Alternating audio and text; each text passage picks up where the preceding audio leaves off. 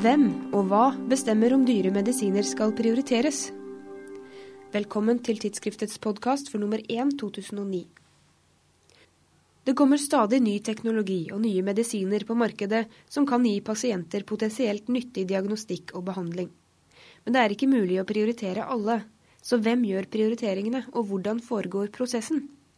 Det ønsket Kjell Arne Johansson og kolleger ved Universitetet i Bergen å finne ut. De har gjort en case-studie med utgangspunkt i to prioriteringssaker fra 2005, nemlig innføringen av kreftmedisinene Cetuximab, eller Erbetux, mot kolorektalkreft, og Trastuzumab, eller Herceptin, mot brystkreft. Begge disse medisinene er dyre kreftmedisiner som ble innført i ulik takt i helseforetakene, hvor leger, ledelse og politikere var uenige i en del grunnleggende verdispørsmål.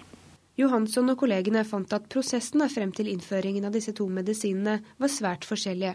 Eh, når det gjaldt innføringen av Cetuximab, så så vi at media var veldig aktive. Det var mye medieoppslag eh, i aviser og TV. Eh, og til slutt så ble politikere involvert i beslutningen. Og høsten 2005, når det gjaldt innføringen av Trastuzumab, så var ikke media så aktive og politikerne ønsker heller ikke å blande seg inn. Eh, og Avgjørelsen om trastuzumab ble i stor grad tatt i fagmiljøet. Begge sakene illustrerer vanskelige prioriteringsspørsmål med legitim uenighet om bl.a. fortolkninger av data. Setuximob har ifølge Johansson dårligere effekt.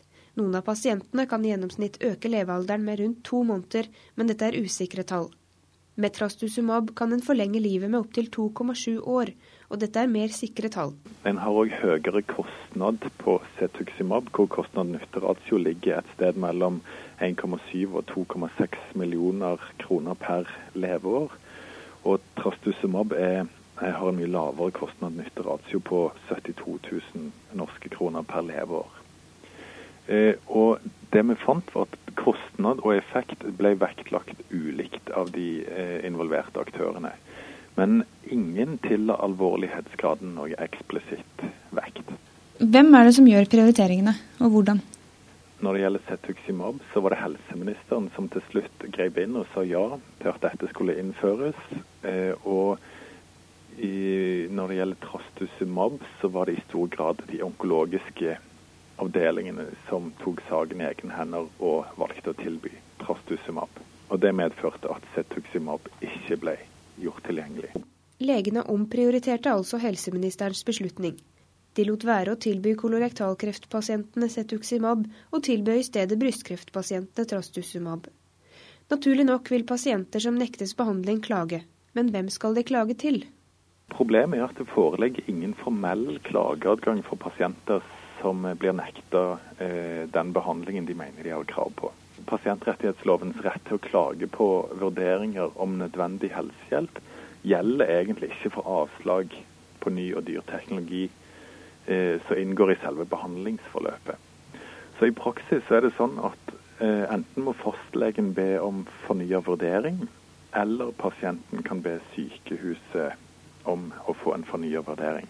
Eh, men så er det òg viktig å merke seg at det er vanskelig å klage på prioriteringsbeslutninger som blir tatt internt i fagmiljøene, hvor verken beslutningen eller rasjonalet er offentlig tilgjengelig.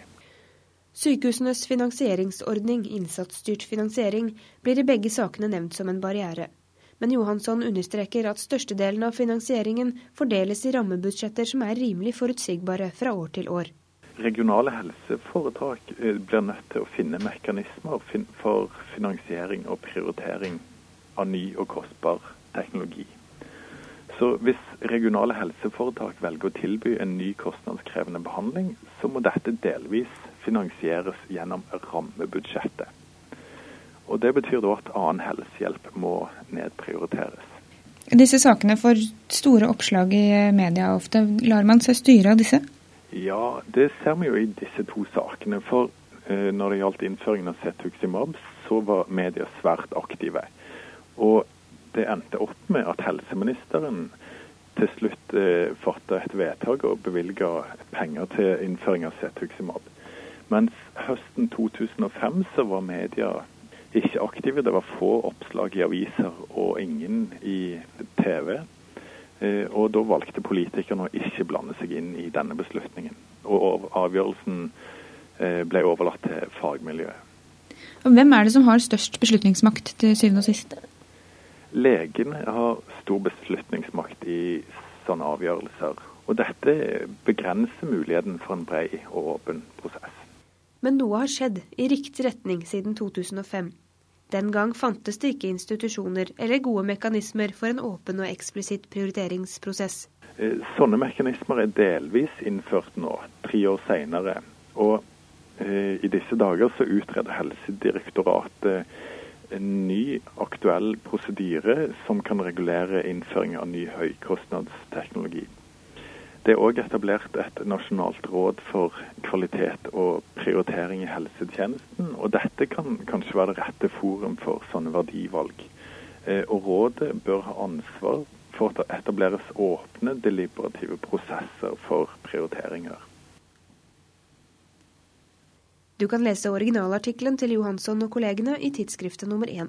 Takk for at du hørte på tidsskriftets podkast.